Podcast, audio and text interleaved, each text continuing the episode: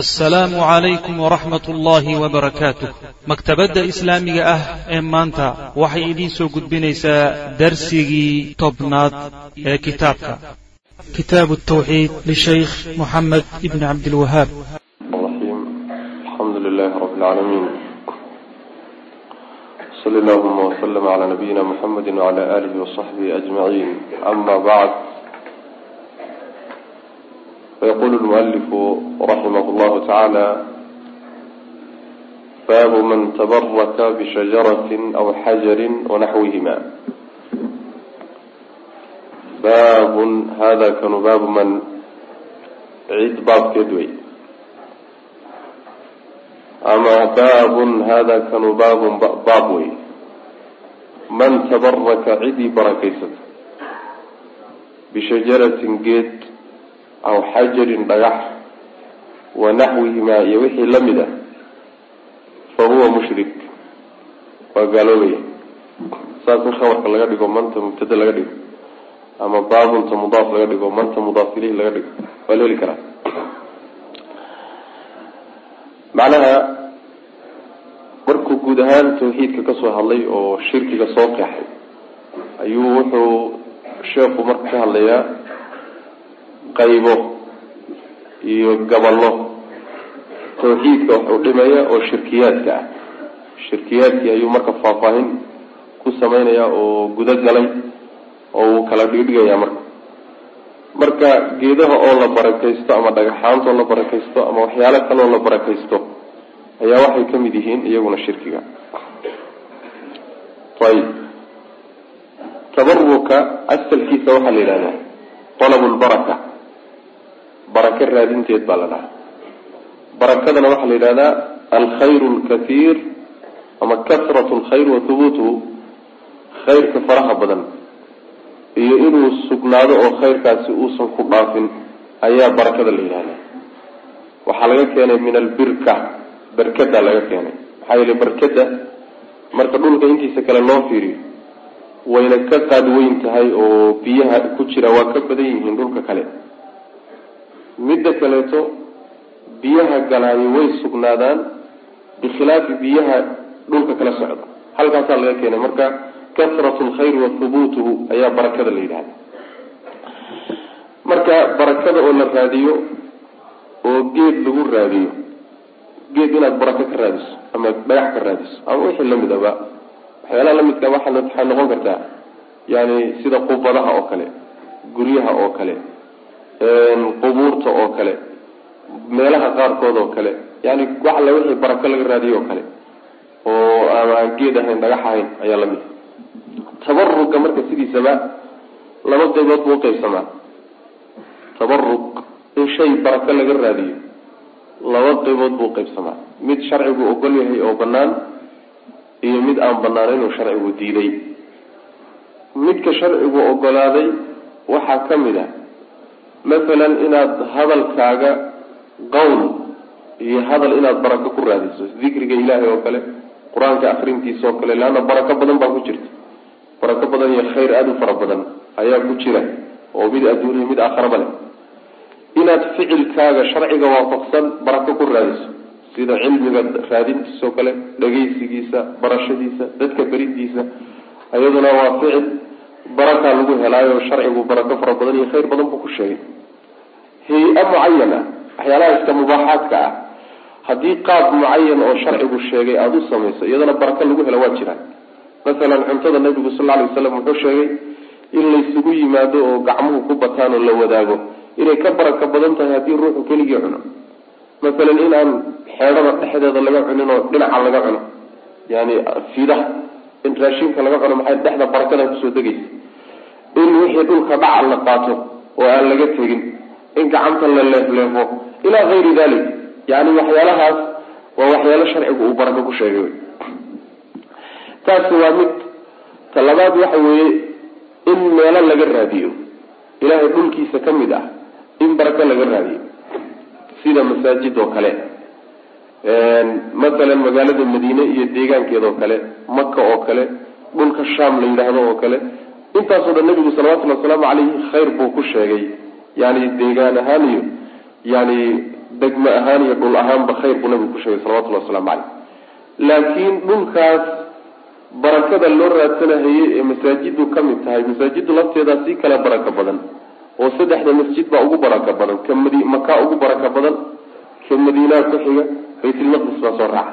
Saasay u kala baraka badan yihiin marka barakaadka masaajida ku jiraay waxaa lagu raadinayaa camalkii sharcigu ugu talagalay masaajida in lagu qabto barakadooda lagu raadiyo.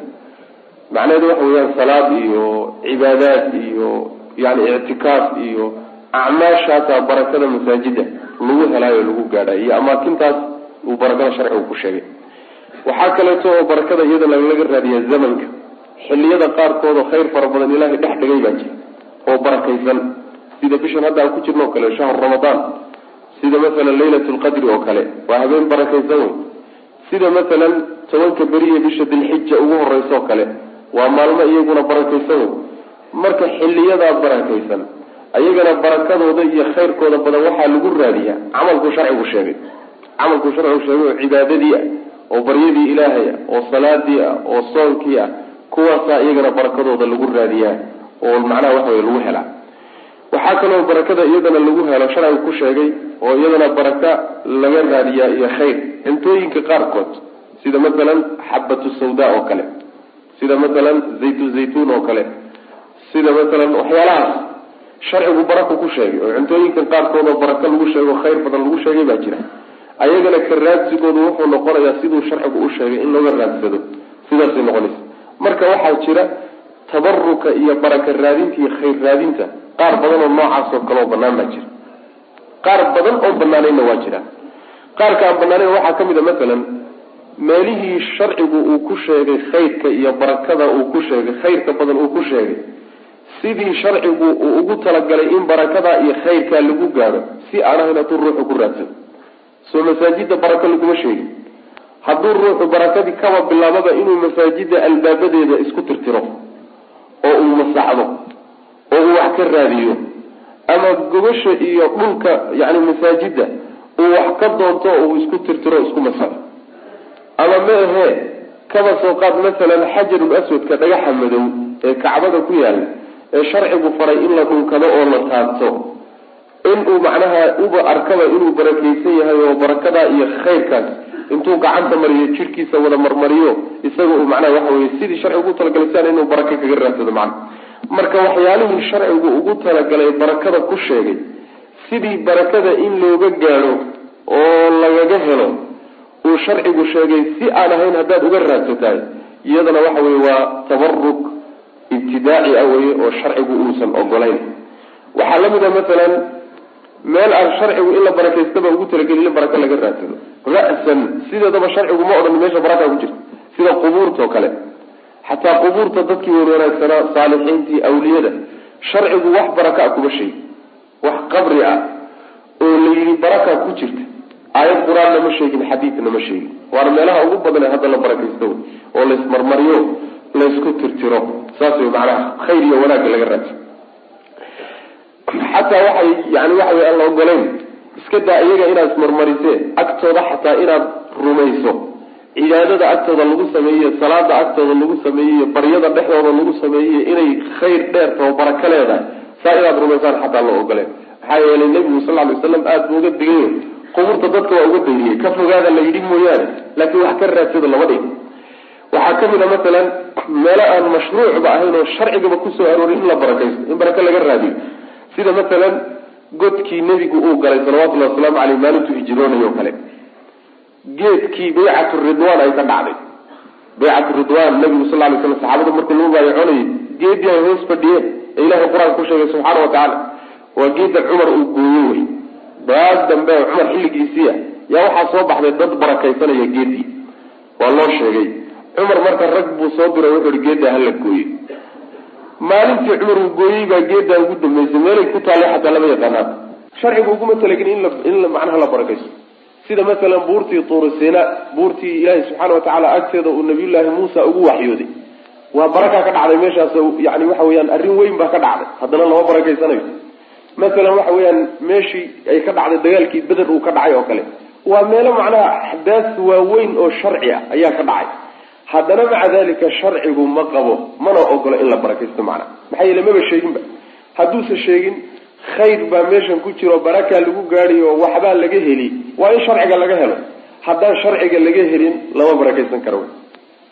Waxaa ka mid a yani barakaysiga mubtadice sharcigu usan ogolayn ruuxu inuu xiliyada qaarkood xiliyada qaarkood inuu barakiyo khayr badan u maleeyo inay ku jirto uu ka raadsado. Sida masalan dhalashadii nebiga salawatullahi wasalaamu calayhi xilligay ku aadanayd oo kale taariikhdiisii in masalan yani ixtifaal iyo isu imaad iyo munaasabad iyo ciid iyo cibaadaad iyo la sameeyo oo la yidhahdo barakaa laga raadinaya. Sharcigu ma sheegin ma uusan sheegin. Waa zaman zaman uusan sharcigu ku sheegin wax baraka wey. Waxaa ka mid a masalan alisra walmicraaj habeenkii nabiga la dheelmay salawatullahi wasalaamu caleyh iyadana ixtifaalaad baa la sameeya. Ixtifaalaadkaana baraka lagu raadinaya. Waa maalin baraka la raadinayo ma jirta iyadana wax jira maaho sharcigu ma sheegin. Waxaa ka mid a midii maalintii nebigu hijrooday salawatullahi wasalaamu caleyh dadka qaar baa ixtifaalaad sameeyay iyada lafteeda maalintii nebigu maka maka u ka cararo madiine uu aaday nebigu sal lay slam maalintii beder sidoo kale maalintii magaalada maka la furtay. Yani munaasabaad saasoo kale oo xilliga iyo zamanka ku xidhanoo dadka qaarkii barakaystaanna waa jiraan. Ayaguna sharcigu ma sheegino barakaysigoodu waa bidco wey waa waxaa sharciga ku soo aroorin. Barakaysiga bidciga waxaa ka mid ah inaad dadka saalixiinta ee wan wanaagsan iyo culimada aasaartooda inaad barakaysato. Inaad jidhkiisa barakaysato yani timihiisa barakaysato candhuuftiisa barakaysato dhididkiisa barakaysato dharkiisa barakaysato kebihiisa barakaysato kuwaasaa ka mid wax mashruuca maa iyadana waa bidco wey maxaa yeelay nabigeena salawatullahi wasalaamu caleyh saxaabadu way barakaysan jireen dhididkiisa iyo timihiisa iyo dharkiisa iyo waa la barakaysan jiray arrintaasi laakiin nabigeenay ku gooni ahayd salawatullahi wasalaamu caleyh cid nabiga ka dambaysay oo la barakaystayna xilligii saxaabadii iyo culimadii waaweynaa ma soo marin. Inay nabiga gooni ku ahayd taasaa kutusi markuu nebigu geeriyooday ummadda yaa ugu fadli badnaa abubakar soo ma ahayn?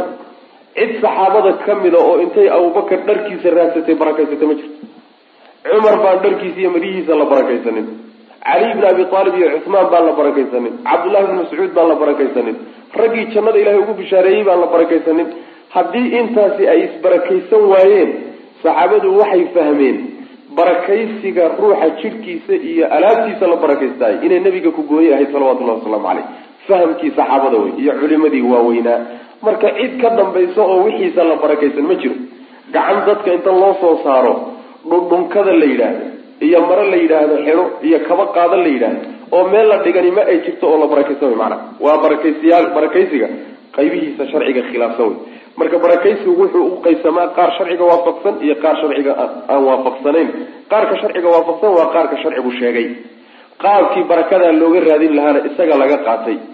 Qaarka aan banaanayne markay ugu yartahay bidca hadday ugu haddii kalena gaalnimoba ruuxa gaadhsiinaysana waa barakaysiga aan sharciga ku soo aroorin. Meel la barakaysto xilli la barakaysto ruux la barakaysto wax la barakaysto qaab wax loo barakaysto sharciga ku imaanin kuwaas wey maana man tabaraka bishajaratin aw xajarin wanaxwihima iyo wixii la mid a. Wa qawli llahi ayuu baab u yahay. Xataa xajarka waxaa soo gelaya xajarkaas. Waxaa soo gelaya xajarul aswadka dhagaxa madow. Dhagaxa madow barakada sharcigu ku sheegay ee laga gaadhayo waxa weeye waa intii sharcigu ku sheegay iyo jidkii uu ku sheegay in loo maro. Keliyata un markaad dhawaafayso gacanta untaasi ama dhunko waa intaas. Laakiin gacantaadii taabatay in aad jidhka wada marmarayso ama isku dhejiso isagaba aada isku dhejiso lagaa fujin kari waayo sida dadka qaarkii oo kaleeto. Taasoo kaleeto macnaha waxay keenaysaa inaad ka fahamsan tahay dhagaxan kadaata inuu macnaha waxa wax tarayo. Waa kii cumar ibn khataab radi allahu canhu odhan jiray yani wallahi inii la aclamu anaka xajarun laa tanfac walaa tadur walawlaa anii ra'aytu rasul lahi rasuula llahi sal lay waslam yuqabiluka maa qabaltuka dhagaxii buu la hadlaya wuxuu ku yidhi ilaahay baan ku dhaartay waxaan ku ogahay xajarul aswadow inaad uun dhagax tahay. Waxbana aadan dhibi karin waxbana aadan dheefin karin. Wax tar inaadan lahayn. Haddaanan nebigoo ku dhunkanaya arki lahaynna oona nebi maxamed ku dayanayninna kumaana dhunkadeen buuri marka dheefkamuu raadinaya cumar eh. Nebi maxamed salawatullahi wasalaamu calayhi buu ka amar qaadanaya oo ku daganaya ilaahay baa nagu addoonsaday dhunkada oo taabta. Intaa un baanu u qaadan mooyaane waxbuu tari macnaheedu ma ah. Xajarul aswad haddii laysu diiday. Barakaysigiis qabri ninka ku jiraba wuxuu yahay alla garanay. Iyo ciid meeshan taalla carro meeshan taalla iyo geed alloobaadoo meeshan ka baxay. Bal waxa laga raadin muxuu yahay? Waxa laga heliye laga raadin muxuu yahay? Taas wey wa qawli llahi tacaala ayuu baab u yahay. Ilaahay odhahdii uu yidhi afara'aytum bal ka warrama waxaan gaalada ahow allaata ballaata iga warrama waalcuzza iyo sanamka cuza la yidhaha wa manaata iyo manaata ka warrama athaalithata ee saddexaad alukraa manaatihii saddexaad ee labadaa hore saddexaynayay alukraa ee liitay. Saas waa tafsiir. Yani alukraa almutaakhir ee dambeeyey ee liitay ama alukraa ee kale. Macnaheedu waxa weeye suuratu najmi markuu ilaahay ka soo warramay salawatullahi wasalaamu a ilaahay subxaana wa tacala markuu ka soo warramay nebigiisa iyo waxyiga in la siiyey iyo in la sii qaaday iyo aayado waaweyn in la soo tusay. Laqad ra'aa min aayaati rabbihi lkubraa aayado waaweyn inuu soo arkay habeenkaa markii la soo sheegay ayaa waxaa la yidhaha afara'aytum allaata waalcuzza wamanaata athaalithata alukra bal waxaa waaweyn ee ilaahay makhluuqaadkiisa iyo aayaadkiisa ka midaanu soo tusnay nebi maxamede bal iiga warrama asnaamtaad caabudaysaan oo laata iyo cuze iyo manaata ah maxay yihiin? Maxay qaban karaan maxay awoodi karaan? Ayagu maxay yihiin? Bal war iga siiya. Saas way macana oo su'aashu waa su'aal isticjaab ah. Waa la yaab iyo ixtiqaar yaraysi. Waana lala yaabayaa iyaga safaahadooda iyo caqli daradooda haddana waxaa la liidahayaa oo la quursanaya waxanay caabudayaan ee magacyahan ay ula baxeen. Sanamka laata la yidhahdo laata waa magac sanam waxaa iska lahaan jiray niman la yidhahdo reer saqiif reer saqiif waa nimankii daaif degi jiray wey nimankaasaa lahaa. Wuxuuna asalkiisu ahaa baa la leeyahay dhagax dhagax ay naqshiyeeyeen oo aada ay u xarxardheen oy qurxiyeen buu ahaa. Markaasaa waxay u sameeyeen guri bay u dhisayaan. Guri markay u dhisaanna dad ay sadana ku magacaabaan khaadimiin adeegayaasha sanamka. Ilan ilaah buu u yahay adeegayaasha ilaahay ku magacaabaya. Dadkaasaa la hor farfadhiisiin dadkaasi marka gurigaas loo dhisay sanamka waxaa la dhigayaa wax alla wixii sanamka loo soo hadiyeeyo oo isagu uu leeyahay meeshay gelinayaan. Dadkan sanamka mar walba dul joogana waa adeegayaashii iyo shaqaalihii sanamka oo way ka turjumaan. Sanamku saasuu leeyahay oo saasuu qabaa oo waa muriidiintii oo kale way macana saasoo kale wa marka halkaasay guri uga dhiseen nimankan reer saqiif baa lahaa. Weliba wuxuu laatadu la dheeraa baa la leeyahay wuxuu lahaa barxad aad u weyn buu lahaa oo caanka ah jaziiratulcarab waxay ugu faani jireen barxaddaa iyo sanamkaas carabta inteeda kale oo dhan bay ka siteen markii quraysh laga soo reebo. Inta kale oo dhan bay ugu ilaah weynaayeen. Quraysh markii laga reebo maanaa quraysh ma gaari karaan. Nebigu sal lay slam sanamkaa laata la yidhaha waxaa kaloo la sheegaa oo ibnu cabaas uu leeyahay wuxuu ahaa laata asalkiisu nin saalix oo wanaagsan buu ahaa. Nin wanaagsan oo dadka xujayda ah shurbadda u qasu ah shurbadda ayuu subag iyo waxay ugu sugu dari jirayo. Markaasuu martisoori jiray dadka xajka yimaada. Markaasaa ninkiibaa geeriyooday markuu geeriyooday bay marka dushiisa waxay ka dhiseen qubad bay ka dhiseen. Kadibna qubadiibaa sanam isu bedashay oo sidaasay ku caabudeen. Ibnu cabaas baa sidaa odhanaya halkaasuu ka soo jeedaana cabdullahi ibnu cabaas baa leh. Almuhim sanamka ay nimankaasi lahaayeen reer saqiif nebigu sal ly waslam wuxuu u diray mugiirata bnu shucba oo soo dumiyey. Markuu nebigu maka qabsaday salawatullahi waslamu caleyh ayuu asnaam aada u fara badan buu rag u kala diray. Mugiire marka waxaa loo diray sanamkii laata la odhan jiray markaasuu soo dumiyey soo burburiyey. Cuzza isaga waxaa laga keenay waa ta'niisu acaz. Acaz ruuxa macnaha waxa wey ciziga badan oo dhadig ah. Waa magac dhadiga wey cuzza waxaa laga keenay bay leeyihiin ka ishtiqaaqdeen waxay ka jeexeen magacan. Ilaahay magaciisa casiiz ah ilahay baa magac wuxuu leeyahay casiiz ah. Magicii casiiz ahaa ayay magac uga jeexeen sanamkooda oo markaasaa waxay ku magacaabeen cuzza laakiin inkaari waxay kaga dhacday sanamkiibay magaca haween u bixiyeen. Magac dhadig ah yay ku magacaabeen cuza isagana waxaa lahaa sanamkaa cuzo la yidhahdo nimanka la reer quraysheed. Ayaa lahaan jiray. Meel makiya daaif ku yaad udhaxaysa oo la yidhahdo nakhla ayuu ooli jiray. Reer quraysheed baa aada weyneyn jiray. Abu sufyaan markii nabiga sal lay slam iyo isaga raggu watay uxud laysku laayay oo nabiga sal lay slam saxaabadiisa waxoogaa dharbaaxadu gaadhay. Waa kii dhihi jiray lana alcuza walaa cuza lakum. Yacni sanamkii cuzo la odhan jiray baan anagu leenahay oo na garab taagan oo noo hiiliyey. Laakiin idinka nasiib xumadiina iyo nacasnimadiina cuzo oo kale ma haysataan. Waa kii nabigu dhihi jiray sal alay waslam waxaad ku tidhahdaan oo ugu jawaabtaan. Lana almawla walaa mawla lakum. Anagu allaanu leenahay idinkina idinkuna cuze iyo wax qurun aad agfar fadhidaano alle idin gargaara malihidin saa ku dhaha nabigu sal lla alay waslam marka cuza quraysh baa lahayd. Nebigu wuxuu u diray ninkii la odhan jiray khaalid ibnu waliid khaalid waliid markii maka la furtay ayuu nebigu u diray. Khaalid wuu tegey. Geedo dhowr ahoo ka ag dhawaa oo geed buubahaba asalkiisu la leeyahay geed ay dhiseen oo ay daahiye saareen oo dhar u xidheen buu ah geedihii buu soo googooyey marka gurigii meelaha ka dhisnaana wuu soo dumiyey khaalid markaasu soo laabtay. Markuu nebiga u yimi salawatullhi wasalaamu caleyh buu yihi maxaad samaysay? Wuxuu yihi nebiga wixii aan meesha ugu tago geed iyo guri ahaa soo dumiye wuxuu nebigu yihi sal alay waslam maadan weli waxba samaynine waxba maadan soo duminina kac laaba buui khaalid meeshii buu ku laabtay.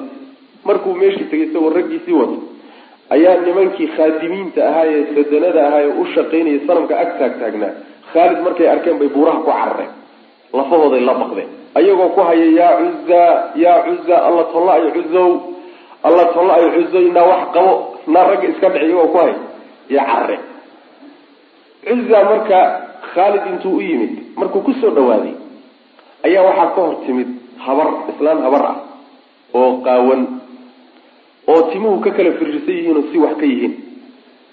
Khaalid iyadoo ordaysa hoogay oo ba-yadoo ka haysay ka hor timid markaasuu khaalid intuu seeftii uqaatay buu qoorta ka goyey wuu soo laabtay nebigu u yimi salawatullahi wasalaamu caleyh maxaad la kulantay buu yihi nebigo habarinkaari ku dhacday baa iga hor timid oo dilay buu yihi haddaad dishay buu yihi cizo habartii la odhan jiray taasay ahayd. Habar shaydaan bay ahayd macana saas wey marka taana nebigu sal lay slam halkaasu kaga takhalusay. Manaata sanamka la yidhaahdo.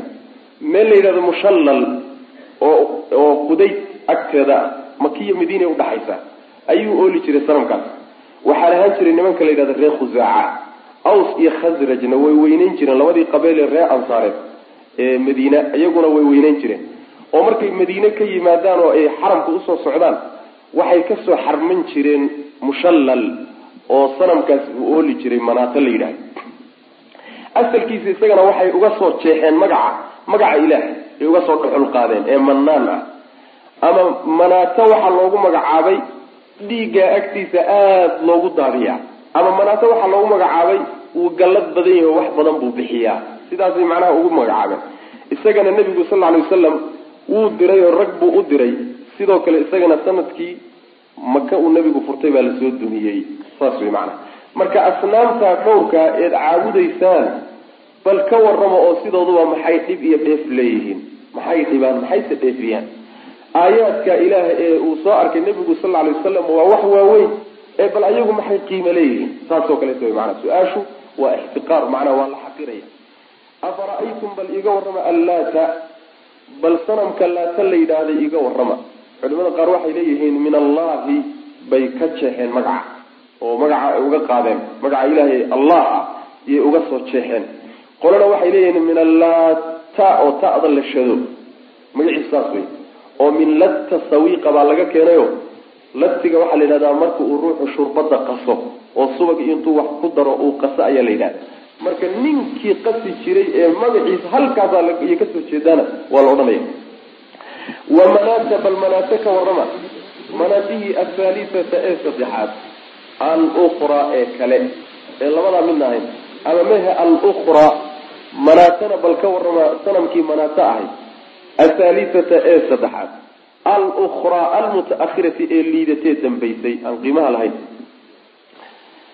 can abi waaqidin allaythi qaal abi waaqidin allaythi waxaa laga warinaya magaciisa waxa la xaaris ibn cawf baa la qaala wuxuu ihi kharajnaa waan baxnay maca rasuuli lahi sal lay slam nabigaanu raacnay ilaa xunaynin xunayn baanu u raacnay nebiga la jirankiisaan baxnay xunayn baan aadnay walxaal naxnu anagu xudathaau cahdin waktigoodu kuwo uu ku dhow yahay anagoo ah bikufrin gaalnimo. Wakti gaalnimo anagoo ku dhow oo xilligaanu soo islaamnay ay dhoweyd. Ayaanu nebiga raacnay. Walilmushrikiina walxaal lilmushrikiina gaalada ay usugnaatay sidratun geed oo yackufuuna ay ku negi yihiin cindaha agteeda gaaladii markaa deegaankaa deganaydna waxay lahaan jireen geed ay barakaystaanoo dul fadhfadhiyaan wayanuutuuna geedaasoo ay ku xidhxidhaan biha iyada aslixatahum hubkooday ku xidxidhan jireen seefaha iyo warmaha iyo waxay hub wataan ayaa lagu xidhxidhiyo waa la barakaysan. Xirsi xidh oo kale wey. Yuqaalu laha waxaa la yidhahdaa geeda daatu anwaad magacaasay leedahay. Tii xidhxidhidda u saaxiibka ahay. Fa mararnaa waxaan soo marnay bu ihi bisidratin geed. Faqulnaa waxaanu idhi yani geedii gaalada caadada ay ulahaan jirtay taas la garay. Taa iyagoo yaqaanay oy horay ulahaan jireen bay geed weyn soo mareen. Faqulnaa marka waxaanu ihi yaa rasuul allah rasuulka ilaahay ijcal lanaa waxaad noo yeeshaa ood noo samaysaa daatu anwaad geed laya daatu anwaad noo samee. Mid macnaha xidhxidhasho u saaxiiba geed aan wax ku xidhxidhano seefahanagiyo warmahanagoon barakaysano noo samey annagana. Kamaa lahum sida kuwan ay ugu sugnaatayba daatu anwaad geed ay wax ku xidhxidhaan say uleeyihiin oo kale annagana taasoo kale noo samey faqaala rasul lah sal lay slam nabigu wuxuu yihi allahu akbar alla weyne oo in wax la garab dhigo ka weyne inahaa iyadu assunanu waa jidadkii wey waa jidadkii addoommadu mari jireen wey. Qultum waxaad tidhahdeen buu nabigu uri sal lay wasalam waladii macbuud baan ku dhaartay nafsii naftaydu biyadii gacantiisa ay ku jirtee allaan ku dhaartee waxaad ku hadasheen oo tidhaahdeen kamaa qaalad siday tidhi oo kale banuu israaiila reer bani israaiil limuusa muuse say ku yidhahdeen oo kale. Hadalkiinu wuxuu ka dhigan yahay kii ay reer bani israaiil nebi muuse u soo jeediyeen iyo codsi ay ka codsadeen oo kale. Oo muxuu ahaa? Waxay ku yidhahdeen ijcal lana waxaad noo samaysaa ood noo yeeshaa muusow ilaahan ilaahan noo samey kamaa lahum siday ugu sugnaatayba kuwan aalihatun ilaahyaal kuwani siday ilaahyada ay uleeyihiin ay u caabudayaan annagana ilaahyo kale noo same qaala wuxuu yihi marka nabiyullaahi muuse inakum idinku qawmun dad baa tihiin tajhaluun oon wax garanayn war dad jaahiliin oo oon wax garanaynin baa tihin latarkabunna buu nabigu yuri sal lay waslam waad fuulaysaan oo waad waad maraysaan wey sanana man dad jidadkood baad maraysaan qablakum idinka horreeyey. Intii dadkii idinka horreeyey jidadkoodii baad qaadaysaan. Rawahu waxaa wariya xadiidkaa tirmidi wa saxaxahu xadiidka saxiixu ka dhigay. Waana sidaas uu sheegay waa xadiid saxiixa wey xadiidka abu waaqidin allaythi magaciisa waxaa la yidhahda alxaris ibni cawf. Xadiis kaleetana waa jiraan oo saxaabada ay warinayaan oo saxaabo kale ay warinayaan oo kan la mid a. Wuxuu leeyahay abu waaqidin allaythi nabiga ayaan raacnay salawatullahi wasalaamu caleyh oon xunayn u raacnay. Xunayn waa tog udhexeeya daaif iyo maku udhexeeya waana togii uu ka dhacay dagaalkii la magac baxay xunayn aswatu xunayn dagaalkii macnaha togay ka dhacay markay saxaabadu nabiga raacayaan salawatullahi wasalaamu caleyh waa markuu maka furtay sannadkii sideedaad kadib waay. Maka markuu qabsaday ayaa nabiga waxay soo waxaa soo gaadhay salawatullahi wasalaamu caleyh war sheegaya in nimankii ree la odhan jiray reer saqiif iyo qabaa-ishii reer hawaazin inay isku urursadeen meesha la yidhaahdo toga la yidhaahdo xunayn. Ay doonayaan intaadan tilaabo qaadin nebigow inay kugu qaadaan oo ayagu weerarka kaala horeeyaan weerar inay dawacsan yihiin baa nabiga loo sheegay salawatullahi wasalaamu caleyh markaasuu nabigu intuu wuxuu saxaabo urursan karay urursaday buu marka ku baxay. Isagoo labiyo toban kun oo nin wata. Toban kun waa raggu madiine kala yimid. Laba kunna waxay ka raaceen magaalada maka oo dadkii maslamatu fatxi maka maka markii la furtay dadkii islaame wey ee magaalada loogu yimid intaasuu marka nebigu ku weeraray salawatullahi wasalaamu caleyh dagaalka qeybtiisii hore marka waa tii saxaabadu hadal ay yidhaahdeen daraaddeed caalsaaraha looga qaatay waxoogaa la yaro caydsaday hadalkay odhan jireen lan nuqlaba alyawma can qilla maanta yaraan na loogaba adkaan maayo. Hadalkaasoo yidhahdeen baa loo ciqaabay. Waa la yaro edbiyey. Dharbaaxadii hore markay ku dhacdayna guusha dambe ilahi subxana wa tacala iyagu siiyey. Wayawma xunaynin id acjabatkum kasratkum falam tugni cankum shaya wadaqat calaykum alardu bima raxubat uma wallaytum mudbiriin uma anzla allahu sakiinatahu cala rasuulihi wacala lmu'miniin waanzla junuuda lam tarawha halka aayaadkaasaa ka warramay marka duulaankaasaa nabiga u raaceen salawatullahi wasalaamu calayhi abuwaaqidin ilaythi rag uu ku jiro wuxuu leeyahay marka aan nabiga raacayno duulaankaa u raacayno xilligii gaalnimaan ku dhownahay yacni xilligaan gaalada ahayn maba fogaba wakti dhow baan soo islaamnay hadalkaa wuxuu saa u leeyahay waxoogaa wuu cudur daaranaya. Tuhmaa meesha soo geli karto. War saxaabadii nebigu sal alay wasalam intaa wax baryay haddaad ahaydeen seebay idinka qarsoomi kartaa inaan waxaan ilaahay ahayn la barakaysan karin. Geedan noo samee aanu wax ku xidhxidhanne seebaad intaa u baran weyde su'aasha iyo tuhmadaas oo meesha imaan karta ayuu macnaha ka hortegayo. Markaasaa wuxuu yihi wanaxnu xudathaau cahdin bikufrin yani cudurdaar baanu lahayno dad gaalnimo mar dhow ka yimid baanu ahayn. Islaamnimadaan ku cusbayn waay. Oo ficlan saasay ahayd maxaa yeelay makayba ku islaameenba ayagoo saasa marka gaaladuna marka waxay lahaan jireen oo caado u ahaan jirtay geeda ay barakaystaanoo ay hubka ku xidxidhaan yani markay duulahayaan sida masalan hadda yani ciidamadu markay duulahayaan oo kaleeto yani wax isixidh la yidhahda lagu wareejiyaa. Waxbay akriya oo wadaado markii wax la soo dhacana wax kule oo xoolaha la soo dhaca wax laga siiyo hayaa ciidamada u xirsixidha marka xirsixidhkaasoo kale geedaha ka rabaan oo hubka geeda lagu xidhxidhaya waxaa la doonayaa hubkankaasi inuu guul gaadho oo geedaasi barakada ay ku dhalisay hubkan. In guusha lagu gaadhaa la doonaya. Saasay marka caadadoodii hore ahaan jirtay.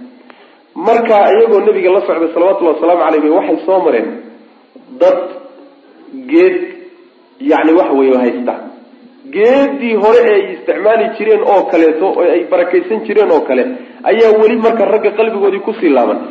Markaasaa waxay ku yidhahdeen nabigu annagana tanoo kale noo samey tanoo kale noo yeel. Oon midaanu barakaysano annagana wax ku xidhan. Aanu dadka la mid noqone noo samee markaasuu rasuulku sal alla alay wasalam arrinkaasi aada ula weynaaday codsigaas yaa aada nabiga ula weynaaday salawatullahi wasalaamu calayh markaasuu yidhi allahu akbar inaha sunan. Macnaa waa jidadkii wey waa caadooyinkii ummadi lahaan jireenoo inay simbirraxdaan oo khaldamaan oo shirkiyaad la yimaadaan waa jidadkii ummadihii hore wey waxaan ku dhaartay buu nabigu uri sal ly waslam allaha naftaydu ay gacantiisa ku jirta ee maamulaan ku dhaartay waxaad ku hadasheen hadalkii reer bani israael ay muuse ku yidhahdeen oo kale. Macnaha codsigiina aada iga codsateen. Wuxuu ka dhigan yahay oo la mid yahay codsigii reer bani israael ay muuse ka codsadeen oo kale. Oo maxay yihiin? Fircoon iyo cadowgoodii hortooda ilaahay ku halaagay oo ay guul taagan yihiin oo ilaahay uu nicmadaa siiyey meeshii loo baahnaa ilaahay keligii inay aadaan ayaa waxay dhahdeen ijcal lanaa ilaahan kamaa lahum aaliha. Kuwa waxay soo mareen ilaahay keyrkii caabudahayo wax kaleeto ku maman oo ku sii jeedo wax weydiisanayo wax ka rajaynaya markaasay yidhahdeen muusew kuwan oo kalean rabnaa tan oo kale noo samey annagu ilaah aan la arkaynin oo aan muuqanin oon ili qabanaynin. Iska caabudo gacmaha uun taagtaaga warna geli ma ee waxaanu aragnaan rabnaa. Hore wax la arkaa la caabudaay sidaas macnaha waxa wey codsi noocaasoo kale ka codsadeen marka tii oo kale tanina ka dhiganta maxaa yeelay ilaahay markuu guul idin siiyey subxaana watacaala oo reer mako oo idin dhibi jiray hoostooda ilahay idinka bixiyey madiine iyo dadkeeda ilaahay idinku gargaaray. Maanta idinkoo duulaana intaad timaadeen magaaladii makaba aada gacanta ku dhigteen dawladnimo iyo yani waxa weye awood ilaahay idin siiyey.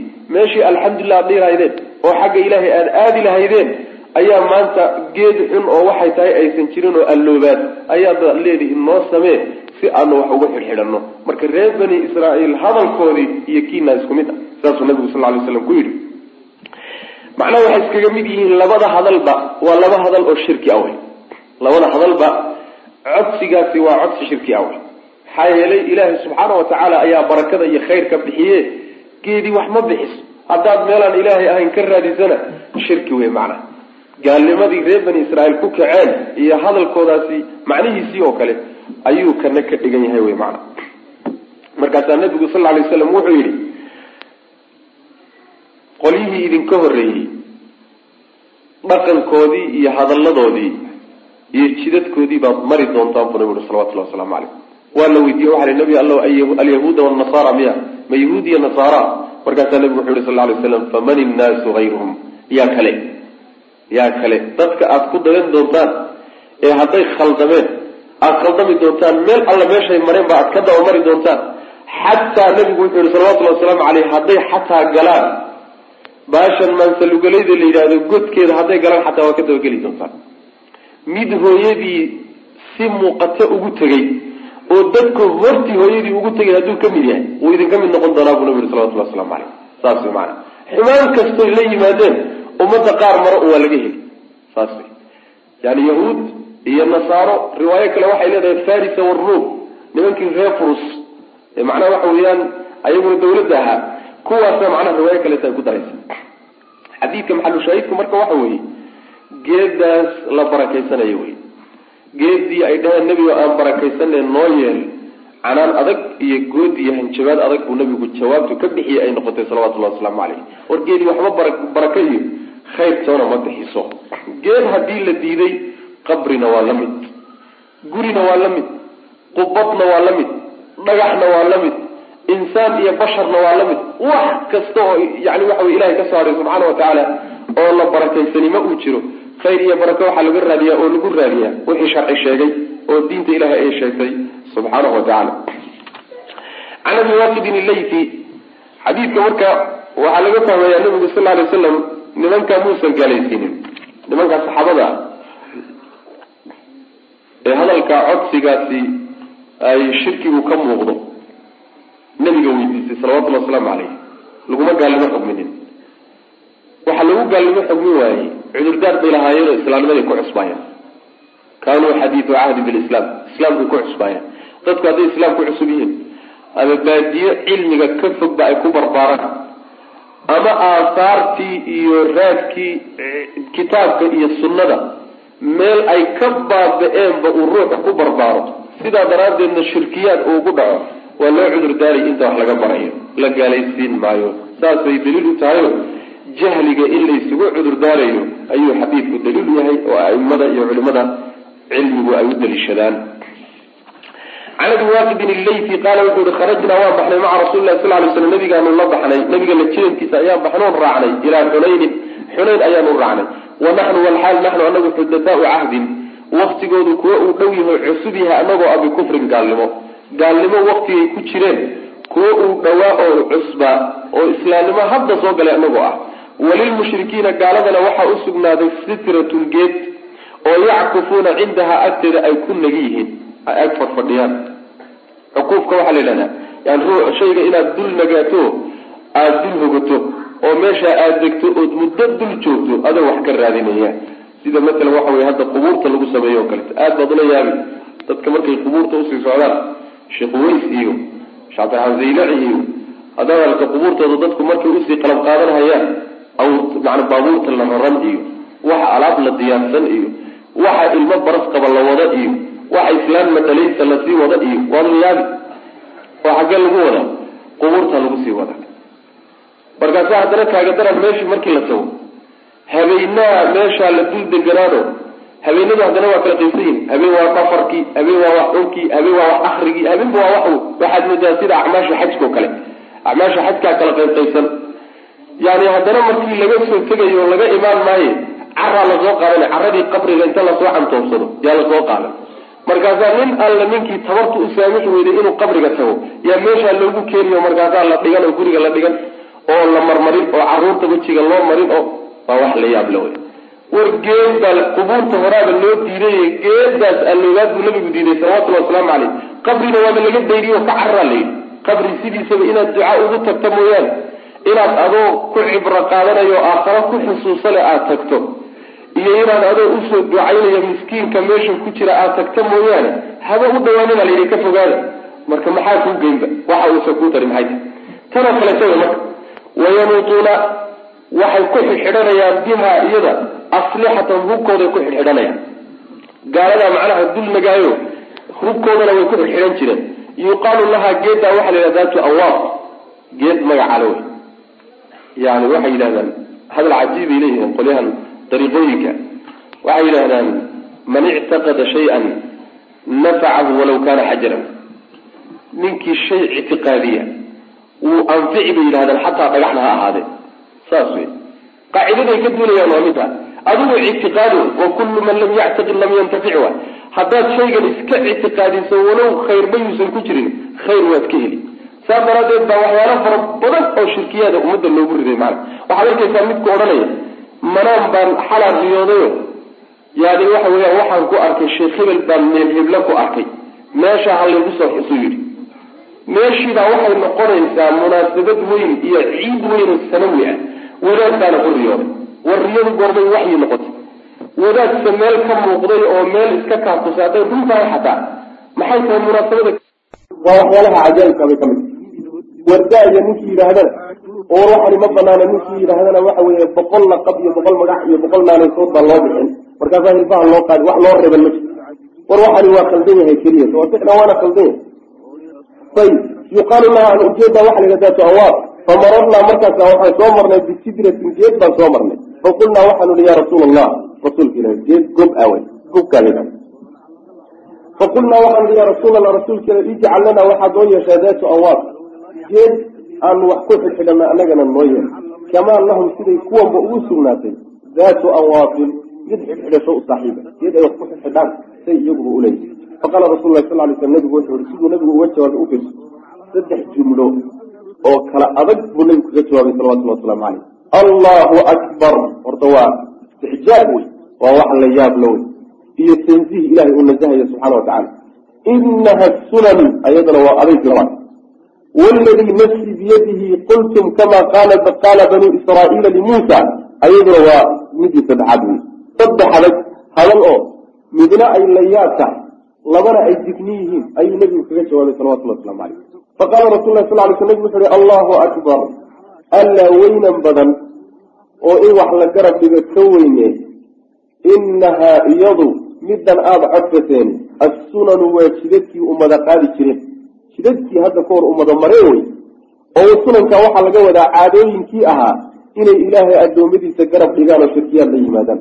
Qultum waxaad tidhahdeen waladii macbuud baan ku dhaartay nafsii naftaydu biyadii gacantiisa ay ku jirteen kamaa qaalat siday tiri oo kale banuu israaiila reer bani israiil say yidhaahdeen oo kale muusa muuse ay ku dheheen hadalkii muuse codsigii loo jeediyey ayaa idinkuna maanta soo jeediseen oo muxuu ahaa ijcal lanaa noo yeel ilaahan ilaah noo yeel kamaa lahum say kuwanba ugu sugnaatay aalihatun ilaahyaal annaguna ilaah muuqdaanu rabnaayo muusew aanu caabudno codsigaasoo kale ka dhigay oo saxaabadu maba ayna codsanin ilaahay caabudaane geedun aan barakaysano noo samay bay dheheen macnaheedu uluhiyadu waa taas haddaadba barako meel kaleeto ka hunguriyeyso ood meel kale barako ka rajaysaayo ilaah kale adoo samaysto kale ka dhigan halhadalka saasuu nabigu isugu shabihi salawatulli waslamu caleyh qaala muuse marka wuxuu ku yihi inakum idinku reer bani israaiilow qawmun dad baa tihiin tajhaluuna oo ilaahay cadamadiisi iyo weynankiisi wuxuu idinka mudan yahay jaahiliinka ah. Oon garanaynin baa tihin macna latarkabunna buu nabigu uri sal lay slam waad maraysaan sanana man. Dad jidadkood ayaad maraysaan qablakum idinka horreeyey. Ummadihii idinka horreeye bani israiil maanta saad u shabahdeen ayaad mustaqbalana dad badan oo waxaa leeli doonaa muslimiinta ka mid a oo reer bani israiil dhaqankoodii ku kaca.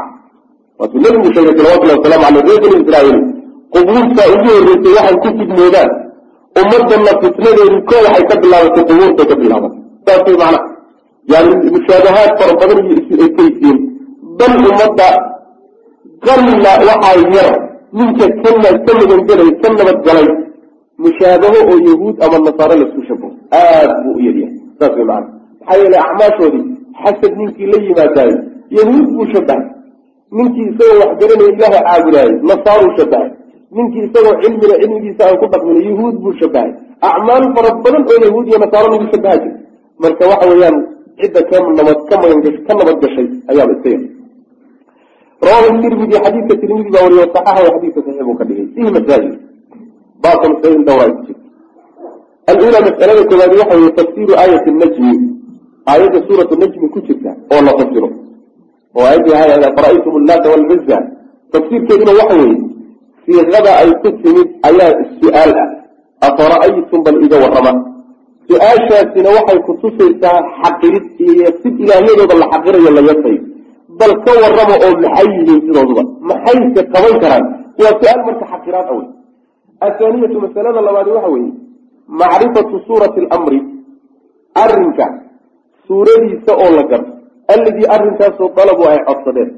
Waxay codsadeen suuraduu lahaa iyo wuxuu ahaa oo isagana la garto. Maxay codsadeen saxaabadu? Ma geeday caabudaan bay ilahay weydiisteen. Iyo nabiga weydiisteen salawatullahi waslamu caleyh mise geeday barakaystaan geeday barakaystaan bay weydiisteen nabiga salawatullahi waslamu caleyh wa ilaa waxay garanayeen oo kooda cusub iyo kii horreeyeyba ay wada garanayaan in ilaahay mooyaane cid kaloo la caabudo aysan jirin. Ayadoo saa ay tahay haddana ruuxu hadduu kuwaasoo kale yahay tawxiidka qaybo ka mida tafaasiishiisu waa ka qarsoomi karaa shirkiga tafaasiishiisa qaar ka midana waa ka qarsoomi karaa waynoo imaan. Athaalithatu masalada saddexaad waxa weeye kawnuhum ahaanshahooda ay yihiin saxaabadu lam yafcaluu kuwa aan samaynin codsi mooyaane samayn kama dhicin ficil kama dhicin laakiin way codsadeen hadalkaa codsiga ah iyo qalbiga oy geliyeenba geedan inay barako ku jirto la barakaysan karo geed la barakaysan karo ictiqaadka iyo hadalkaa laftiisa weeyaan midku nabigu sal alay wasalam uu ka dayriyo u diiday. Hadalkaa laftiisana xataa la ogolayn oo isaga laftiisa shirki ah. Laakiin ayagu way cusbaayeenoo islaamnimaday ku cusbaayeen. Alraabicatu masalada afraadi waxa weeye kawnuhum ahaanshahooda ay saxaabadu yihiin qasaduu kuwo dhawaaday kuwo u kastay waxay ahaayeen qasaduu kuwo u kastay ataqaruba dhawaansho ilallahi ilaahay loo dhawaado. Bidalika arrinkaana loogu dhawaado. Oo arrinkaas muxuu yahay? Bidaalikana waxa weeyaan waa geedda hubka lagu xidhxidhayo. Hubka. Geedda lagu xidhxidhayo geedaasay ilaahay ugu dhawaanayaan. Ma aha inay iyada lafteeda wax tiri leh laakiin inay ilaahay u sii maraan oo ilaahay ugu dhawaadaan oo ilaahay ay u dhaweyso saasay rabaan. Maxaa yeelay lidannihim waxay moodayaan annahu alla yuxibuhu inuu jecel yahay arrinkaas hubka in geedaha lagu xidhxidho oo geedaha la barato inuu ilaahay jecel yahay bay moodeen wixii ilaahay jecel yahana dee waa loogu dhawaadaa oo isagaa loogu sii dhawaadaa macnaha fahamkaasaa galay marka geedantadaasa soo ilaahay subxaana watacaala inuguma waajibin masala waxa weeyaan inaan dhagaxa madowna hadda sheegayno oo kaleeto inaan taabanno oo ama aan dhunkanno ilahay baan ugu dhawaanayna maxaa yeele ilaahay baa inagu addoonsadayo jecel inaan saas samayno saasoo kale moodeeno barakaysigan geedda la barakaysto oo ilaahay loogu sii dhawaado wax ilaahay jecel oo ilaahay loogu dhowaan bay moodeen. Saasay moodeen laakiin shirki iyo ilaahay keyrkii caabudan ma ahayn. Inay ilaahay keyrkii caabudaan ma ahayn. Alkhamisatu masalada shanaadi waxa weeye annahum saxaabadu idaa jahiluu haddii ay garan waayeen haadaa arrinkaa fa kayruhum iyaga cid aan ahayni awlaa way kaga habboon tahay biljahli aqoon la'aan haddii saxaabadii nebigaba sal alay wasalam shirkiga qaybihiisii qaar ka mida ay garan waayeen inuu shirki yahay innaga iyo inta inala mid ah ee saxaabada ka soo hadhayba way ka sii xag jiraan. Inay shirkiga qaybo ka mida ka qarsoomo bal sida uu leeya sheekh maxamed bin cabdilwahaab mu'alafaadkiisa qaarkood culimo waaweyn buu shirkiga qaybihiisa qaar ka mida ka qarsoomi karaa.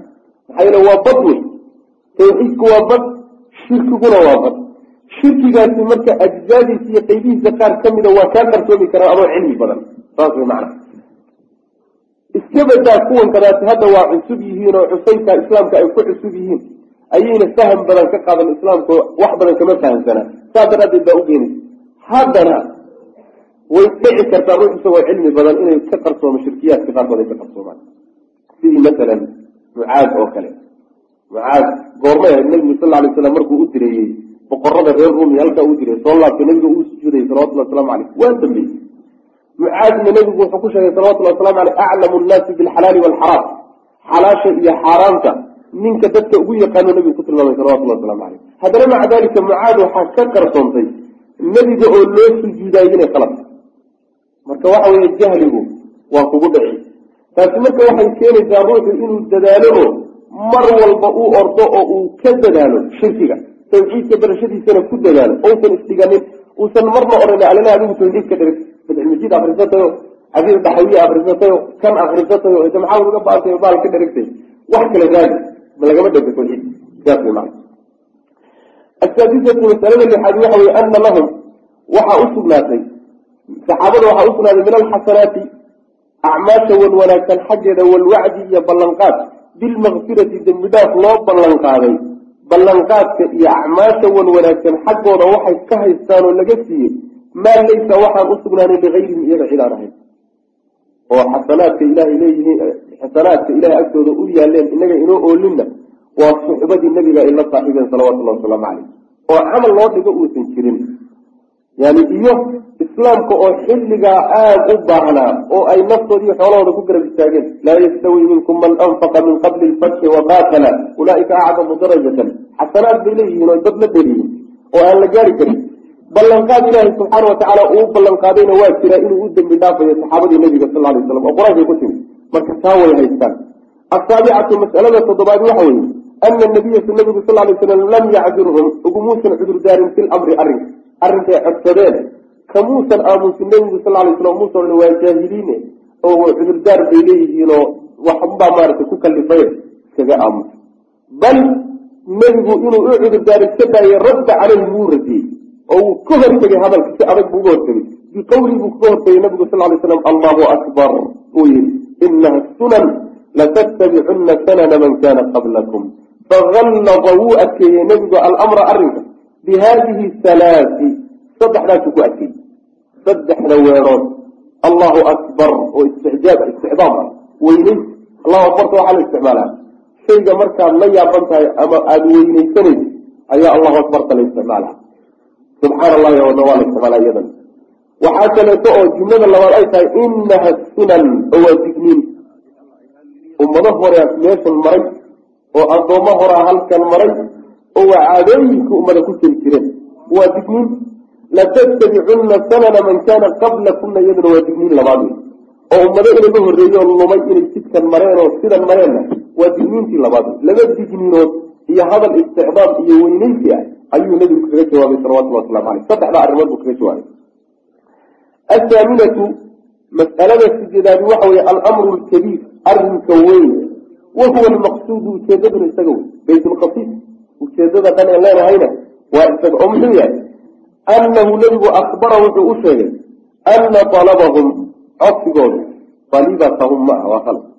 Ana alabahum codsigoodu ka talabi bani israaiila. Ree bani israiil codsigoodii oo kale inuu yahay.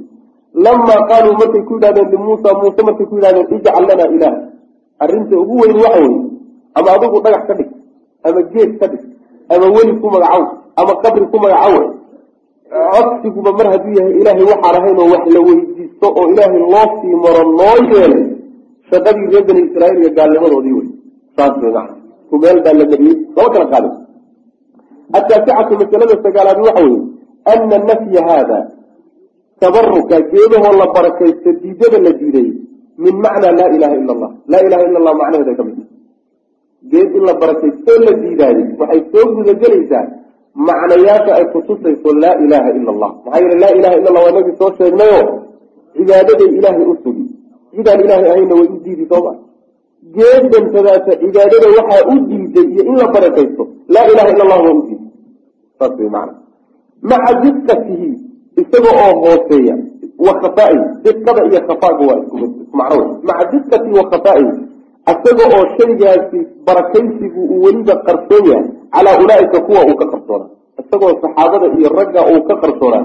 Oo macno qarsoon oo dadka qaar yar mooyaane in badan aysan gelinin isagoo ah ayaa haddana wuxuu ka mid yahay waxyaalaha laa ilaaha ila allahu ay kutusaysee macnayaasheeda ka mid ah. Macnaha laa ilaaha ila allah ayaa waxay leedahay tawxiidku qaarna waa mid jeli iska muuqda oo cid walba garanaysa. Qaarna tafaasiil hoose weeyaanoo dad in dadka intiisa badani garan maayaan. Shirkigoo kale wey shirkigu jeli iyo khafigu uqaybsamaa jeligu waa midka la wada ogyaho dadku wada garanayaan oo wada muuqda. Khafiguna waa mid qarsoon oo dad yar un ay garanayaan in badan ka qarsoomi kara. Marka laa ilaaha ila allah macaaniday kutusayso qaar baa laga yaabaa dadku iyagoo culimaa inay ka qarsoomaan ayagoo camo iskabadaaye alcashiratu masalada tobnaad waxa weye anahu nabigu xalafa wuu dhaafay cala alfutiya jawaabtii diiniga ahayd ee uu jawaabayay buu ku dhaafay.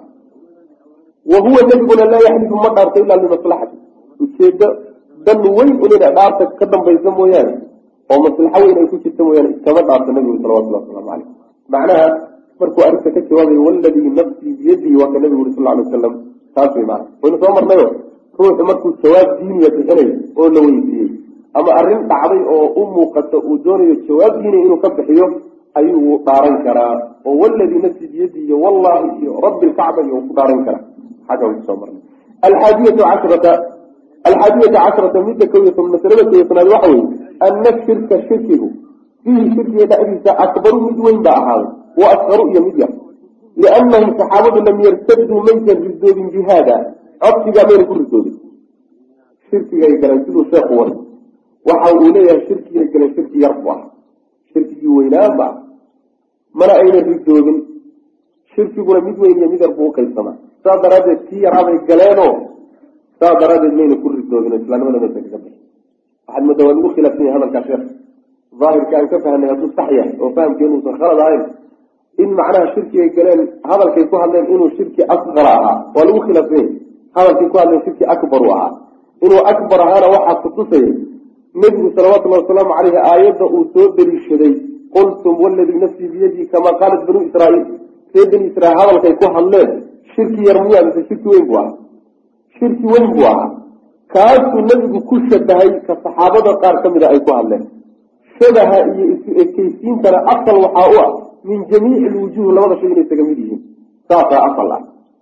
Oo dhinacyaha qaarkoodu markay isaga eg yihiin asal ma ah. Saas wey saas way macnaha culimada qaar ka mida ay marayaan. Ayb athaaniyata cashrata masalada labiyo tobnaad waxa weye shirkiga akbarka iyo askarka iyo daabit maxaa loo sameeya shirkiga asqar goormuu noqonaya akbarka goormuu noqonaya.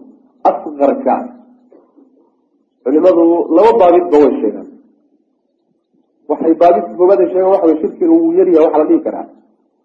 Markii uu intuu ama xadiis ama aayad qur'aana ku soo arooro nas intuu ku soo arooro inuu shirki yahay. Haddana inaan islaamnimada lagaga baxaynin uu daliil ku tusiyo. Markaasaa shirki asqara la yidhahda laba tiir waayo inuu shirkiga horta waa in daliil loo helo. Inaan shirkigaasi kii islaamka lagaga baxayey uusan ahaynna waa in daliil loo helo. Labada arrimood markii loo helo ayaa shirki asqara la yidhahda oo daliil unbaa la raadine iskama odhan kartid wax kasta waa shirki asqara saasi waa qowl aqwaasha ahlucilmiga ka mid tacriif markay sheexayaan shirkiga asqarka. Qolana waxay leeyihiin shirkiga asqar waxaa la yidhahdaa wax walba oo dariica iyo wasiilo u ah shirkiga weyn ku gaadhsiin karo oo ku jiidi kara shirki asqara wey saa marka la yidhahdo dunuubta oo dhan shirkiga asqarka soo gudagelaya maxaa yeelay yani almacaasi beriid lkufri sidoodaba macaasidu iyo dunuubtu waxay beriid iyo boosto u tahay shirkigi iyo gaalnimaday boosto u tahay sidaana culimada qaar ka mid a odhanayo shirki wax alla wixii ku geyn karo oo ku jiidi kara shirkiga weyn oo dhan waxaa la yidhahdaa shirki asqara la yidhahdaa oo dunuubtao dhan baa soo gudageli markaas kaana waa tacriif kale culimada qaar ka mid a ay marayaan. Athaaniyatu cashrata masalada labiyo tobnaadi waxa weye qawluhum odhaahdooda ay yidhahdeen saxaabadu wanaxnu sudataau cahdi min kufrin. Annagoo gaalnimo ku cusub. Waktiganagu uu gaalnimo ku dhow yahayo xilli dhow soo islaamay fiihi waxaa ku sugan oo laga qaadanayo hadalka ana gayrahum ragga hadalkaa yidhi kayrkood laa yajhalu inuusan ka jaahil noqonin min dalika arrinka. Yani saxaabada intoodii kale raggii hore ee fuqahaa saxaaba ah ee nebiga sal lay waslam muddo la soo joogay ee waxyiga wax ka soo bartay ayagu arrintan oo kale kama qarsoonto way ogaan. Inaa waxaan ilaahay la barakeysan karin oo qalbigu kuwa cilmi karin wax laga raadsan karin. Waa ka daraysan yahi laakiin dad cusub oo islaamnimada ku cusub iyo ka qarsoomi wey macna athaalithata cashrata mas'alada labiyo tobnaad waxa weye saddexiyo tobnaad atakbiiru in la takbiirsadoo allahu akbar la yidhahdo cinda tacajub markii ruuxu wax la yaabo khilaafan arrintaa waxaan ku khilaafsannahay liman karihahu cidda karaahaysatay culimada qaar ka mid a waxay karaahaysteen ruuxu markuu shay la yaabo inuu yidhahdo allahu akbar laakiin sida nusuusta laga qaadanayo waa la dhihi karaa waxaa kaloo dhihi karaa subxaana allah iyadana waa markaad shay la yaabo waa meesha inaga waa waray aan ka dhahno oo kale subxaana allah yani laa ilaha ila allahu iyo allahu akbar iyo saasaa la dhaha waa waray macno ma leeyahay araabicata cashrata masalada afariyo tobnaad waxa weye sadu daraa'ic sadu daraa'ic macnaha daraaicda waxa la yidhahdaa alwasaa'il waduruq waa jidadka iyo waxyaalaha shay lagu gaadhaa dariicada la wixii gaalnimo dadka gaadhsiinahayey oo la xidhay. Shirkiga laftiisi maaha. Shirkigii jid walba oo dadku u maylahaayeen baaba la xidhoo la gooyey oo la awday. Asagana xadiiskay ku jirtaa. Xaggay kaga jirtaa sadu daraa'ic xaggee laga qabanaya xadiis. Inaha sunan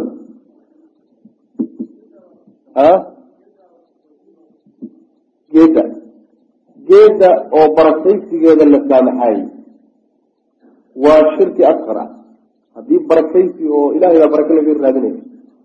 Geedaa haddii la yidhahdo hala barakaysta ama ilahay keyrkii hala barakaysta haddii la yidhahdo waxay wasiilo u tahay oo dariico u tahay shirkigii weynaa sidaa daraaddeed albaabka horaaba laga sii xidhiba wax walba oo dadka u geyn karaba qubuurtaa laga fogaado maxaa loo yii bambaabi sadi daraaci qubuurta waxaa laga cabsanaya siday dadka u sii wado inay shirki ku rido ilahay la garab dhigo subxana watacala oo wuxuulaa wax laga siiyo sida hadda dhacdayba oo kaleeto dadka weynayntiisa iyo qadarintiisa dhaafsiisan bini-aadamnimadiisa ruuxa yaa loo istaagi maxaa loo yidhi? Soo min baabi sadi daraa'ic maaha saas wey sharcigu wuxuu yaqaanaa wax la yidhahda wiqaaya. Alwiqaayatu khayrun min alcilaaj. Shaygii markuu dhacay daaweyn la daaweeyey. Intaan la gaadhin dhicitaankiisa horaaba laga taxadari sid walba oo dadka geynahayo oo gaadhsiin karoo dhan baa horay laga xiray saas wey macana saas sadi daraa'ic saasaa laga wada sadu daraa'ic waxaana qaba culimo aad fara badan baa qaba. Yani qaacida usuuliya waa la yidhahda qaacida fikiyana way noqotaa. Adila min aladilati almukhtalafi fiihana waa la yidhahda oo culimada qaar ka mid a waxay qabaan khaasatan maalikiyada waxay qabaan inuu daliil sharci ay kitaabka iyo sunada iyo ijmaaca iyo qiyaaska iyo istisxaabka iyo yani camali ahlilmadiina iyo sadu daraa'ic iyo adilo fara badan oo saasoo kalaa jirta daliil marka adilada ka mid in qaacidadaa ku tiriyaan culimada intooda badanna qaacidadaas waa ogol macna adilo badan baana kutusaysa waxaa ka mid a masalan zinada oo kale in misaal loo sameeyey oo kahortag loo sameeyey sooma badnaa masalan khulwada nin iyo naag inaysan gooni isula khulwaan waa sadu daraa'ic inayna keligeed safrin waa sadu daraa'ic inaan la fiirinin sadu daraa'ic waayo inayna ku fiirinin sadu daraa'ic waayo kulligeed waxaa lagaga hortegaya yani waxa zinadii weyneyd bay intaasoo dhan taxadar oo lagaga taxadaraya maana alkhaamisata cashrata masalada shan iyo tobnaadi waxa weye annahyu reebitaan can itashabuhi isku shabihid layska reebo biahli lkitaabi ahlkitaabka laysku shabaho in yahuud iyo nasaaro laysku shabaho oo acmaashooda iyo dhaqamadooda iyo caadaadkooda laysku shabaho taas oo macnaha layska reebo. Waxaaba hadda inoo dambeysayba ciidoodii ciidan chrismaska ay yidhahdaan iyo midda niyuyaga ay yidhahdaan macnaa sanadka cusub iyo kullu dalika waxa muslimiintu inay ciidaan u muujiyaan maa waa inay khilaafaan xataa maalmaha axadda ah in dukaamada la furaa fiican oo xafiisyada laga shaqaysto si loo khilaafo ciidooda saas wey maana wax alla waxay yani waxa weyaan inay iyaguba diinteenna waafaqaan mooye. Dhaqamadooda oo dhan iyo waxyaalahay weyneynayaan oo dhan inaan ku garamarno saasaa sharcigeenu inaga doonaya macna hadday macnaha waxa weyaan dadka ay xiiraan waa inaan garamarno saasa sii sharcigaana bari khilaafu nabigu uri salawatullah waslamu caleyh kabaha kuma tukadaana idinku kabaha ku tukada oo khilaafa buu nabigu uri salawatullah waslamu caleyh xataa adnaa shay shayga u yar kaba lagu tukada soo wax yar kaba lagu tukada xataa ku garamara buu nabigu uri salawatullah waslamu caleyh shaarubtay sii daayaane shaarubta xiira. Saas shaarubtay sii daayaane xiira. Khilaaf wax qaacida sharciya waay. Waxooda dhaqamadooda iyo caadaadkooda inaan ku garamarno ku khilaafno.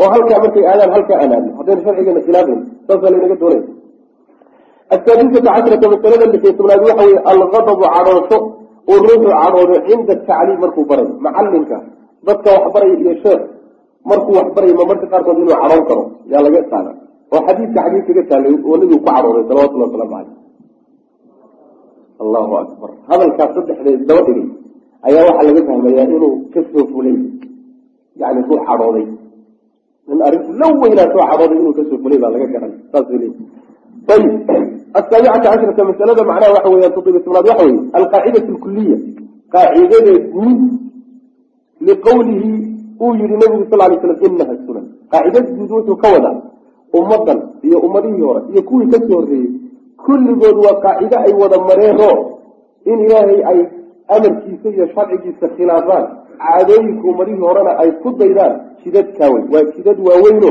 la yaqaano wey macana horay loo yaqaan athaaminata casharta masalada sideed iyo tobnaad waxa weye ana hada arrinkaas calamun waa calaamo iyo astaan su'aal nabiga sal lay wasalam hadda xadiidka waxaan ku soo marnay latarkabunna sanana man kana qablakum inay ummaddu ay saxaabaduna markaa nabigu la hadlaya salawatullah waslamu caleyh yahuud iyo nasaare in jidkoodii aada mari doontaan buu nabigu salawatullah waslamu caleyh ummado badan oo ummadda ka midana inay ridoobi doonaan gaaloodi doonaan buu nabigu sheegay. Haddana nabigu wuxuu yihi sal lay wasalam ina shayطaana yadisa min an yucbada jaziirat lcarab shaydaan wuxuu ka fuustay in jaziirat lcarab lagu caabudo oo ilahay shirki loogu sameeyo shirkiba in lagu sameeyo jaziirat lcarab shaydaan waa ka fuustay nebiguna saxaabada joogtay jaziirat lcarab iyo ummadii jaziirat lcarab buu la hadlaya ummadda inteedii kaleba oo uu leeyahay qaar badan baa shirkiyaad geli doona ayib deed isu waafajini ma iska hor imaanaya labada xadiis. Iskama hor imaanaya laakin kayfa tawfiiq? Haye a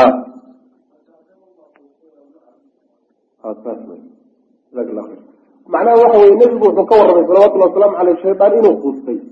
Shaydaan hadduu quustay oo markaasoo laga adkaado jaziiratulcarab lagaga adkaado oo islaamkii ku faafo o tawxiidka ku faafay oo shirkigii la burburiyo dawlad islaam ay ka dhalatay marka hadduu quusta ku dhacay mar labaad inuu soo rogaal celiyo ma diideyso ilaan hadda intaad quusato oo wax ku quusiye aada aragto ayaad intaad dagaal labaad iyo rogaal celin soo samaysaad quusigii kaa bixi karaa soo maa marka nebiga xadiidkiisa lagama fahmay inaan jaziiratulcarab shirkiba ka dhacaynin ee markaa uun inuu shaydaan quustay yuu nabigu sheegay salawatullah waslamu caleyh quusadkaas inuu daa'im yahayna ma sheegin saas way macana ayib ataaminata cashrata tasdeediy tobnaadi waxa weye ana hada arrinkaas calamun waa calaamad iyo astaan oo min aclaami nubuwa. Nebinimada nebigeenna calaamooyinka kutusaya ka mid ah. Likawnihi waa arrinkeedi latarkabunna sanana man kaana qablakum waay. Likawnihi ahaanshaha uu yahay waqaca mid dhacay kama akbara siduu nabigu uu sheegay salawatullah waslamu caleyh sabkii nabigu uu sheegay salawatullahi wasalaamu caleyh hayaa macnaha ay u dhacday saas wey maanta waxa wey iyagaaba hogaanka inoo hayo meeshay inoo jeediyaan unbaynu u yani xataa wax kale iska dhaafan nolosha qaybteedii ugu sahlanayd basiiska ah bay nagu maamulayaan. Maalintay marada gaabiyaan oo lowga geeyaanna lowgaan geenayna. Maalintay shullaha jiidaan oo dhulka geeyaanna waan geenayna. Maalintay qadaadka xiirtaan qadaadkaynu xiran. Maalintay timaha sii daysaanna waynu sii daysan. Maalintay sarwaalka googooyaan oo karmo u yeelaan oo qoolxumo kala daalaanna waynu kala daali. Maalintay macnaha sarwaal qurux badan tashaanna waynu tolan. Maalintay isku giijiyaan waynu isku giijin. Maalintay halow halow ka dhigaanna waynu ka dhig waa nolosha qaybta ugu basiiso. Qaybta ugu sahlan wey nolosha wax kale iska daaya. Wixii kale iska wadaan saas wey macana ataasicata casharata masalada sagaaliyo tobnaadi waxa weeye anamaa dama allahu wuxuu ilaahay ku caayey oo ku dhaleeceeyey bihi isaga alyahuuda wanasaara yahuud iyo nasaaro wuxuu ilaahay ku dhaleeceeyey fi lqur'aani qur'aanka dhexdiisa anahu shayga uu ku dhaceeyey dhaleeceeye lana anagu noo sugnaaday. Wuxuu ka lagu eedeeyey oy ku kaceen ummadanina hadday ku kacdo eedaa waxbay kale saas macana qur'aanku yahuud iyo nasaare iyo mushrikiinta carbeed basuu ku soo degay war la yidhaahda ma jireen wixii ay qolyahaasi ku kaceen oo la yimaadeen ninkii ku kacay ayaga wixii laga yidhi unbaa isagana lagu odhan way macana oo saas waxaa la odhanayaa yani sida sheekh ibnu cuthaymiin uu leeyahay lanaadaa ummadoo dhan ma ah. Maxaa yeelay ummadda qaar ka nabadgalay baa jira. Qaarkii aan ka nabadgelin eedii iyo daleecayntii yahuud iyo nasaaro qur'aanka loogu sheegay ciddii ku dhacday way la wadaagi waa ciddii samaysay macna maaha ummadoo dhan. Alcishruuna masalada labaatanaadi waxa weye anahu mutaqarirun waxaa sugan. Cindahum culimada agtooda waxaa sugan. Ama cinda asaxaabati saxaabada agtooda waxaa sugan. Cinda alculamaa. Culimada agtooda waxaa sugan oon muran ka jirin. Ana alcibaadaati cibaadooyinka mabnaaha meesha ay ku dhisan tahay cala alamri amarka wey amarka sharciga iyo cibaada salka ku haysaa oy ku dhisantao lugta ku haysaa ayib maxaa laga wadaa? Waxaa laga wadaa sharcigu laba qaybood buu leeyahay oo qaybna cibaadaad baa la yidhaha qaybna mucaamalaad. Waa taqsiim culimadu ay qaybiyeen. Cibaadaadka waxaa la yidhahdaa sida arkaanta shanta oo kale wixii ilaahay loogu dhawaanayo subxana watacala mucaamalaadkana waxa la kala caadaadka iibka iyo ganacsiga iyo cunitaanka iyo cabitaanka iyo guri samaysiga iyo waxyaalahaas mucaamalada ibni aadamkaana mucaamalaad iyo caadaad baa la yidhahda labadaasaa marka la kala qaadi shaygu hadduu cibaado yahay oo ilaahayga aada ugu dhawaanayso oo ajir in lagaa siiyo aada doonayso oo janno aad ku rabto oo ilaahay aad kaga cararayso oo aad ku doonayso inaad ilaahay agtiisa wax kaga heshaay waa in aa sharcigu ku amray amar sharci waa in la helo shaygaa sheegay. Waa in kitaabka ilahay ay ku taallo ama sunada nabiga ay ku taallo salawatullah waslamu caleyh haddii laga waayo soomaa shaygaasi waa bidco. Shaygaasi waa bidco. Waa ka nabigu ohanaya sal alay wasalam man camila camalan laysa calayhi amruna fahuwa raddun. Ninkii camal la yimaado oo diin uu ka dhigayo ilaahay ugu dhawaanayo oo amarkanaguna uusan ku dul sugnayn oo annagu aanaan amrin waa lagu diidi oo waa lagu celinaya saas way macana waxaa la yidhahdaa alcibaada alcibaadaatu tawqiifiya cibaadaadku sharcigu intuu sheegay unbaa lagu gaabine qiyaas lama galo. Yani waxa lamana mana awaali karo. Waxbana laguma ziyaadin karo. Cibaado waata kitaab iyo sunadu sheegay. Oo haddaan naf loo hayno cibaado maaha taasi waxay kaasoo aftarisaa marka la yidhahdo muranka ah ruux waxaad aragtay cibaadad mid xadaraynayaad aragtay. Mid xadaraynayaad aragtay. Kama qaad tusaale wey markaasa waxaa tidhi war xadradani waa bidco ma banaana wuxuu ku yidhi ma daliil. Daliil maxaa waa inaysan xadradu banaaneen adiguna waxaad tihi maxaa daliil waa inay bannaan tahay? Soo jiq maynaa isla gaadhin. Yaa daliil laga rabaa marka. Isagaa daliil laga rabaa. Limaada? Lianna shaygu mar hadduu cibaado yahay asalku waa in la diido. Ilaa in daliil loo helo mooyaane. Adiga waxaa kugu filan shaygani inuusan cibaado ahayn kitaabkana kuma yaallo sunnadana kuma yaallo. Isaga waxaa laga rabaa markaa aniguna daliil uma hayo garbadhac baan noqonay saas daraaddeed way bannaan tahay war jira ma aha. Saas way maana ninkii cibaado jideeyahay daliilkeeda isagaa laga rabaa. Ee ruuxa k ruuxa diidan daliil lagama rabo. Ruuxa diidan daliil lagama rabee ruuxa macnaha odhanaya waa cibaado ayaa daliilka laga rabaa sharciga. Sharcigu meeshuu ku amray baa laga rabaa laga rabaa maana mawliidkao kalea la mid ka mid xagee sharcigu ku sheegay ma garanaysid meel sharci ku sheegay garan maysid mana heli kartid. Xagee laga keenay marka markaa tiraa wa daliilku awey isaguna wa daliilku awey bu kudhi waad isku daalaysaan maa saas daliilku waxa weeyaan inuusan sharcigu amrin wey wuxuusan sharcigu amrin oo cibaadaana waa bidco wey macana amaa mucaamalaadku iyagu waa ka gedisan yihiino mucaamalaadka asalku waa ibaaxo wey mucaamalaadka asalku waa banaani ruuxii yidhaahda shaygani waa banaan yahay mucaamalada ama iibka noocan ah ama heshiiska noocan ah ama cuntadan hiblaa ama cabitaanka noocan ah waa banaan yahay ruuxii yidhahda daliil lagama rabo asalkiibu ku fadhiya laakiin yaa laga rabaa daliilka waxaa daliil laga rabaa ninkii yidhahda shaygani ma banaana cagsi wey marka tii hore cagsigeeda wey ma banaanaad leedahay soo ma?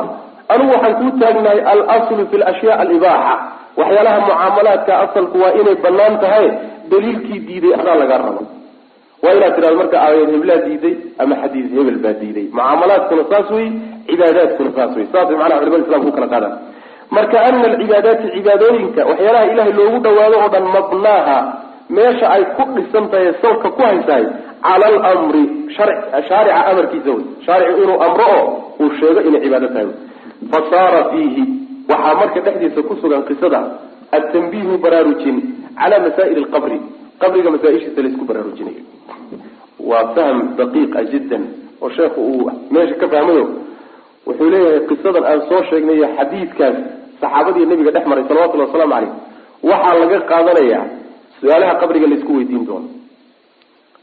Oo saddex su'aalood baa qabriga laysku weydiin soo maa mid waa rububiyada midna waa nubuwaadka soo maa midna waa diinta soo maa saddexaasaa laysku weydiin saddexdii mas'alee qabriga laysku weydiin lahaabaa xadiidka laga fahmi. Cajiib. Masaa'il lqabri oo laysku baraarujiya ku jirta oo sabay ugu jiraan. Amaa man rabbuka?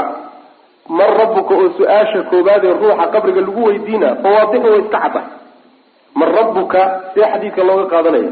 Waxaa looga qaadanaya xadiidku sidiisaba rububiyada alla subxaana watacaala iyo uluuhiyadiisa ayuu sugaya cid kalena ilahnimada waa u diidaya soo ma taasa saasaa looga qaadan wa amaa man nabiyuka su'aasha labaad oo nebigaa kee ahaa yuu ahaa nebigaa oo nubuwada sugitaankeeda ah iyadana waxaa laga qaadanaya fa min ikhbaarihi waramidda ayaa laga qaadanaya nebigu u waramay bianbaai lgaybi warar qarsoon oo aanan ogeyn sheegidda uu sheegay baa laga qaadan xaggee laga qaadanaya iyadana nebinimada sugideeda waxaa laga qaadanaya nebigu wuxuu yihi sal lla alay waslam latarkabunna sanana man kana qablakum.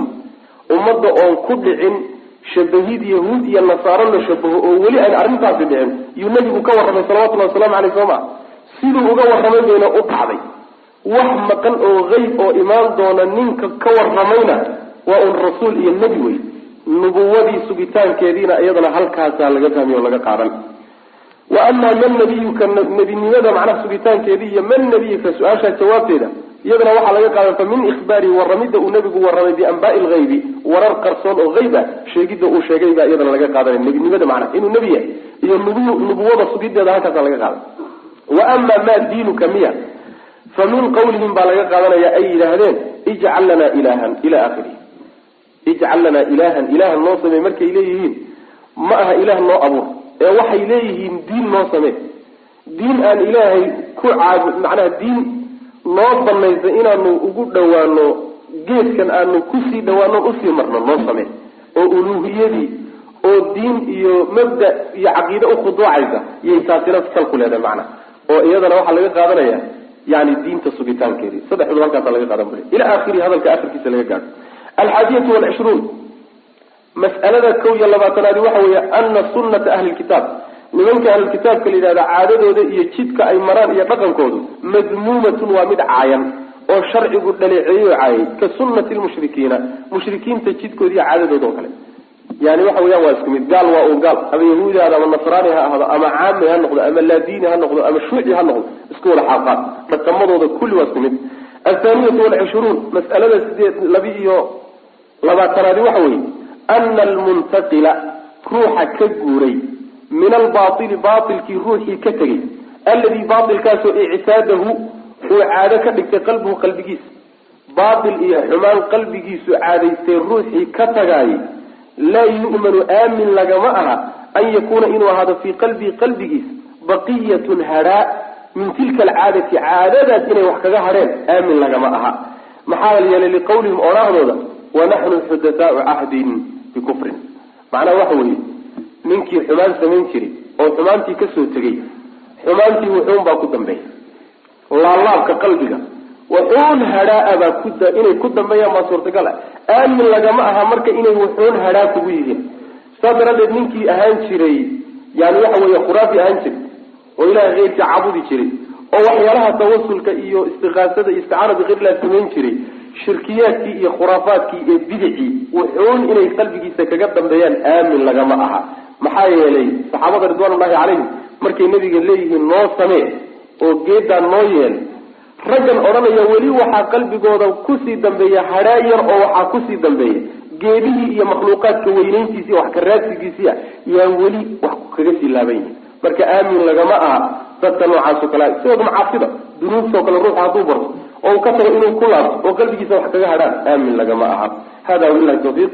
Sal allahuma wasalam calaa nabiyina muxamedi wala alihi wasaxbi wasalam walaalayaal darsigaani halkaas ayuu ku eg yahay.